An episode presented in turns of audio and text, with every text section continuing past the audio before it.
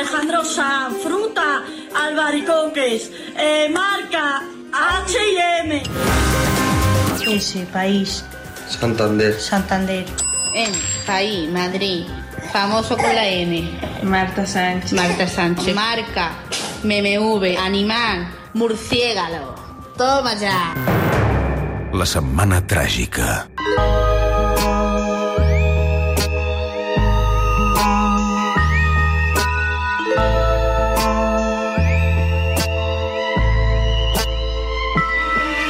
La setmana tràgica a Londres ens hi espera el Ion Sindreu, columnista al Wall Street Journal. Bon dia, Ion. Bon dia. Has superat ja tots els virus i de guarderia o no? No, i ara, i ara. No, no, és eh, simplement concateno, no, no supero. I podem saludar també el Toni Redon, doctor en Ciències Polítiques, investigador a la London School of Economics, professor de la UPF. Hola, Toni, bon dia. Bon dia, bona hora, com estem? Molt bé, i tu? Home, aquí, eh, gaudint del nou mot que ens ha agradat molt a Manllon, això de biopsicosocial ens té a, a, a nivell de fantasia. Bé, bé. Sí? Per què? Per Sí, què? sí. No, no, està bé, no? La veritat és que, és, de fet, una de les coses que a vegades, en Jon i jo, que ens movem en, en àmbits eh, que a vegades eh, arriben al paroxisme, que és més difícil de- d'explicar, de, eh? perquè tot el seu, tots els gremis tenen el seu argot, que després, quan ho has d'explicar a la gent en general, costa una mica d'explicar, no? I no, no, ens ha agradat molt, la fitxem, la paraula. Molt bé. Avui a la Setmana Tràgica parlarem de macroprojectes, o més aviat de per què és tan difícil que tirin endavant. Un dels més pronunciats els últims anys a Catalunya és el Hard Rock, un macrocomplex de casinos al costat de PortAventura, entre Salou i Vilaseca. Fa 12 anys que es va plantejar per primera vegada i 12 anys més tard, sense que s'hagi posat ni una pedra per començar-lo a construir, continua sent la moneda de canvi en múltiples negociacions polítiques. De fet, aquesta setmana es torna d'estar d'actualitat en la negociació dels pressupostos entre Esquerra, el PSC eh, i, els, i els comuns. Um, jo, Antoni, per fer una mica de, de paral·lelisme quotidià, um, això del, del hard rock, que recordem que també es deia Sí. Barcelona Wall, ara farem una mica també de, de repàs de meroteca de com han anat No, no, aquests es deia, anys. es deia Eurovegas, Eu- també. Eurovegas, efectivament, sí, amb aquell personatge al cel, Don Adelson, que, que ja és mort, que era aquella mena de Donald Trump, Sí. recordeu? Sí, era, era una mica el Donald Trump original, eh? I, i llavors vam, vam arribar a l'evolució de, de l'altre, sí. Mm -hmm. Un magnat excèntric que ja va perdre la vida fa uns quants anys, però és que, clar, parlem de 12 anys enrere. Um, a veure, per posar un exemple quotidià amb, amb el hard rock, tinc la sensació que és eh, com allò que quan planteges unes obres a casa, eh, ja sigui per reformar la cuina, el lavabo, a tirar terra aquell en va, eh, per fer més gran una habitació, tot sempre s'acaba sí. complicant i el que havien de ser, re, uns petits retocs de dos mesos d'obres s'acaba allargant un any.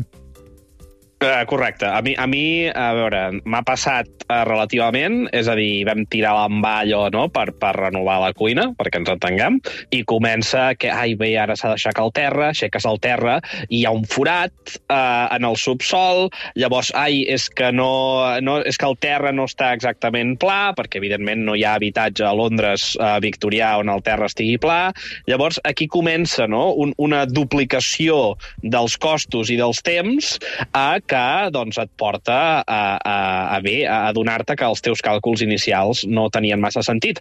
Però a, el meu veí ha estat un cas molt pitjor. Ell volia renovar el seu pis, no? allò va dir, bueno, el compro i li faré una renovació no, més o menys eh, allò, no? que, que, que renovo una mica tot però que quedi bé i s'hi ha tirat any i mig i encara no ha acabat. Llavors, clar, això, que sembla impossible, jo no vull pensar quants diners eh, hi ha acabat posant, de fet, és habitual. Uh, Toni, jo no sé si tu tens exemples similars. Sí, home, i tant. Eh, De fet, eh, podríem pensar un, un cas que coneixem molt bé, eh, perquè segurament hi hem anat més d'una vegada, que és el, el cas dels Jocs Olímpics de, de Londres, eh, celebrats fa uns anys, eh, que el cost, eh, diguéssim, va augmentar un 300% eh, segons eh, l'estimació inicial que, que, que s'havia fet. Eh, els estudis que s'han fet després, eh, essencialment ens diuen que allà va passar de tot, però que en el fons és quelcom habitual que acostuma a passar en aquest tipus de, de projecte, megaprojectes. Doncs eh, coses com, per exemple, que preveus una inversió privada eh, i li poses un número i aquesta inversió privada doncs, no acaba d'arribar, que eh, es fan projeccions basats en qüestions que no són del tot reals. Per exemple, les projeccions de Londres es basaven molt en Barcelona, però també en Atlanta, que és un cas molt diferent. A vegades també és veritat que el cost augmenta amb qüestions doncs, que no, no les tenies previstes. Per exemple, en el cas de Londres dels Jocs Olímpics es van gastar eh, molts diners en seguretat perquè l'alerta terrorista va, va, va créixer i després també perquè has de crear una estructura paral·lela que gestioni aquests projectes i a vegades eh, doncs, acaben sent ineficients. Per exemple, en el cas de la gestió dels Jocs Olímpics de Londres, el que passava sovint és que hi havia organismes interns públics que mm, fitxava gent que feien unes tasques duplicades. No? Per tant, una mica és això, com per exemple quan poses mobles a una casa, escapa, segurament t'ha passat, eh, allò que comptes amb aquella feineta per pagar-te el sofà i aquella feineta no t'acaba sortint, no queda massa clar qui ha de prendre la decisió inicial. No, no, mobles Allò- no, és a dir... Pre... A veure, com, com ho explico, això? Aviam, Eh, explica-ho, explica és que tu no tenies saber. mobles espera, casa. espera't un moment, espera't un moment, espera't un moment. Això ho vam veure al Covid. Sí. No hi havia mobles. Bueno, perquè allà m'acabava de traslladar. No, a veure com ho explico Era això perquè se, se m'entengui. Els Reis d'Orient, aquest any, eh, a casa meva, van portar una, una cuineta. Una cuineta eh, que vaig veure que els Reis d'Orient havien passat per Sí. aquesta coneguda multinacional sueca eh, per recollir aquesta cuineta que eh, t'envien a casa eh, i s'ha de muntar. D'acord? Sí. Aleshores, aquesta cuineta que els Reis d'Orient havien de muntar, resulta que els Reis d'Orient van arribar una mica tard i, i, i els Reis d'Orient comptaven que en un quart d'hora ja estaria muntada i aquell... Un quart d'hora? En un quart d'hora, doncs... viatge a l'optimisme. Van ser tres hores de- d'insomni, perquè els Reis d'Orient no van fer la feina i la van haver de fer els, Clar. els pares d'Orient, saps? Clar. Clar, clar, clar, clar. Uh, una, vull dir, és un mal càlcul, una mala gestió. Clar. Jo, en canvi, I jo, en una canvi mala vaig sortir execució. al carrer Ara, la Vaig cara de felicitat de l'endemà va valdre la pena, eh? jo vaig sortir al carrer i me'n vaig trobar una de muntada. Ah? Ah, Doncs i la vas agafar. fora. Bueno, perquè els Reis Sí. d'Orient de Londres sempre són molt més eh, generosos. Sí, i després passa una Sí, cosa no, també... sí, sí. Uh, sí, escapa, perdona, eh? Passa una cosa que és que uh, passa sovint amb les parelles i també en el sector públic, on hi ha aquests macroprojectes, que és que hi ha una competició per veure uh, qui ho fa millor, no? Per exemple... Uh, A, quan a casa estàs... meva no hi ha dubte, eh, d'això. Sí, no, però hi ha vegades hi ha un, allò una batalla de, de que tu no vols ser uh, vist com el, com el més gasiu o el més garrepa, no? No, ara aquesta tele uh, que té això, diu, ai no, però aquesta per 20 euros més o 100 euros més serà millor. Total, que entres en una mena d'espiral que al final que acaba fent és que et compris una tele d'unes dimensions, unes qualitats espectaculars que doncs, provoca que tot plegat sigui menys lliure, menys ric i menys feliç. Mm. Bé, en el cas que ens ocupa, que és el cas del, del Hard Rock, eh, des de fa 12 anys aquí mm, s'han anat encadenant contratemps, no? Recordo que eh, el primer grup inversor, Veremonte, es va desentendre de, del projecte, eh, és un projecte finançat per privats amb suport de la Generalitat, hi ha d'haver aquí un marc regulador, després també recordo Sí, que el Hard Tribunal... Rock. Digues, digues. Sí, va dir que comprarien els terrenys, que recordem que són de la Caixa, però al final hi ha hagut caler públic eh, pel mig perquè ho puguin fer. Eh? Vull dir, no, no s'acaba mai, no s'acaba mai això. I després també el Tribunal Superior de Justícia de Catalunya eh, va declarar parcialment Ah, sí. nul eh, tot plegat perquè els equipaments estaven en una zona de risc químic, no? Sí, sí, sí, sí, correcte. És a dir, eh, eh, i veiem, jo crec que totes les combinacions eh, eh, que, que es produeixen en els projectes eh, que, que no funcionen. Eh? Uh, de fet, el, el, el pecat original, aquí us record... recordeu per què es va anunciar a l'Eurovegas el 2012? Eh, hi, havia una El- el govern competència, hi havia una competència en Madrid, no?, en aquell moment? Ah, Exacte, és a dir, eh, l'Eurovegas era el projecte original que Sheldon Adelson eh, estava intentant eh, doncs, fer que Madrid i, i, i, Catalunya competissin. Al final se'n van a Madrid. Llavors, no és que l'Eurovegas en si es construís, sinó que l'Artur Mas, allò en, en, un, en un no, moment de contraprogramació, va trobar un projecte alternatiu. Eh? És una mica, eh, eh, és una mica el, el, la Cristina Pedroche dels megaprojectes. És a dir, tu eh, agafes no, un quelcom espectacular eh, per d- no, de, despistar l'atenció de que tu no tens el que seria el projecte principal del qual tothom estava parlant, com en el cas de les campanades, eh, no, en aquest cas a la U. Um, en, aquest, en, en el cas de, de l'Eurovegas, a més, la gràcia és que l'any següent ja estava cancel·lat. Eh? Ja eh, hi havia hagut unes disputes pel tema del fumar, pel tema dels impostos, i, i a l'Eurovegas a Madrid no va passar mai. Havia de ser el Corcón. En canvi, a Catalunya, doncs això s'ha anat allargant, allargant, allargant, allargant. Uh, tenim uh, exemples, com deia el Toni, de, de megaprojectes que no funcionen, uh, bé, infinits. Uh, Terra Mítica, Home? València, i tant, uh, sí. parc temàtic. Sí. Sí. Eh? Tenia pressupost inicial 240 milions d'euros, van acabar a ser eh, 400. Eh, el Fòrum de les Cultures, no?, que vam tenir aquí, un altre exemple. Uh, penseu també, per exemple, a, a casos històrics, a l'Eurotúnel, eh, que connecta a Anglaterra i França per sota del, ca del canal. Això, que tenia doncs, un, un, un cost eh, de 5.500 uh, milions de lliures, van acabar sent el doble. L'òpera de Sydney, no? famosa, un altre exemple. O exemples recents, l'aeroport de Berlín-Brandenburg, absolut desastre, o el meu preferit, eh, perquè a vegades sembla que tots els aves només siguin un desastre aquí, l'ave de Califòrnia, eh? Uh, els votants californians el 2008 van aprovar aquest projecte de 10.000 milions de dòlars i al final es calcula que si es fes tot serien 128.000, és a dir, 10 vegades més, i al final resulta que només faran eh, un, una connexió entre dues ciutats, una es diu Merced i l'altra es diu Bakersfield, la qual jo no havia sentit a parlar mai. Per tant, la connexió entre San Francisco i Los Angeles, eh, res de res. Llavors, la pregunta és, com és que això passa tot arreu, oi? Uh, hi ha un, jo us recomano un, un acadèmic, l'obra acadèmica d'un geògraf danès que es diu Bent Fleitberg, eh, que és un expert en megaprojectes. És un dels pocs eh, experts del món que s'ha dedicat a mirar megaprojectes i que fa poc va publicar un llibre que es diu Com les coses grans eh, doncs, es duen a terme. Uh, us recomano molt que compreu el llibre. Ell, el que bàsicament estudien aquí, diu, a veure un moment, quants d'aquests projectes de tot el món no? Uh, resulta que, que acaben estant uh, per sobre de cost, per sobre de temps. La, el seu càlcul és que és el 86% de tots els projectes d'infraestructures tenen aquest problema. Eh? Uh, la mitjana d'increment de, de costos és del 28%, eh? de, de, de so, acabar sent més alt del que semblava. Um, llavors, la pregunta és, uh, per, què, per què passa això? I ell doncs, posa en contrast aquests projectes desastrosos que hem esmentat amb els pocs projectes exitosos en què això no passa. I en destaca dos. L'Empire State Building, eh, que va ser construït a Nova York a velocitat de llampec entre el 1930 i el 31, i un que us sonarà més, que és el Guggenheim de Bilbao, de uh, l'arquitecte canadenc Frank Gehry. No només va ser acabat per sota de pressupost, sinó que, a més a més, ha tingut un impacte sobre la ciutat molt més beneficiós del que el govern bas va planificar.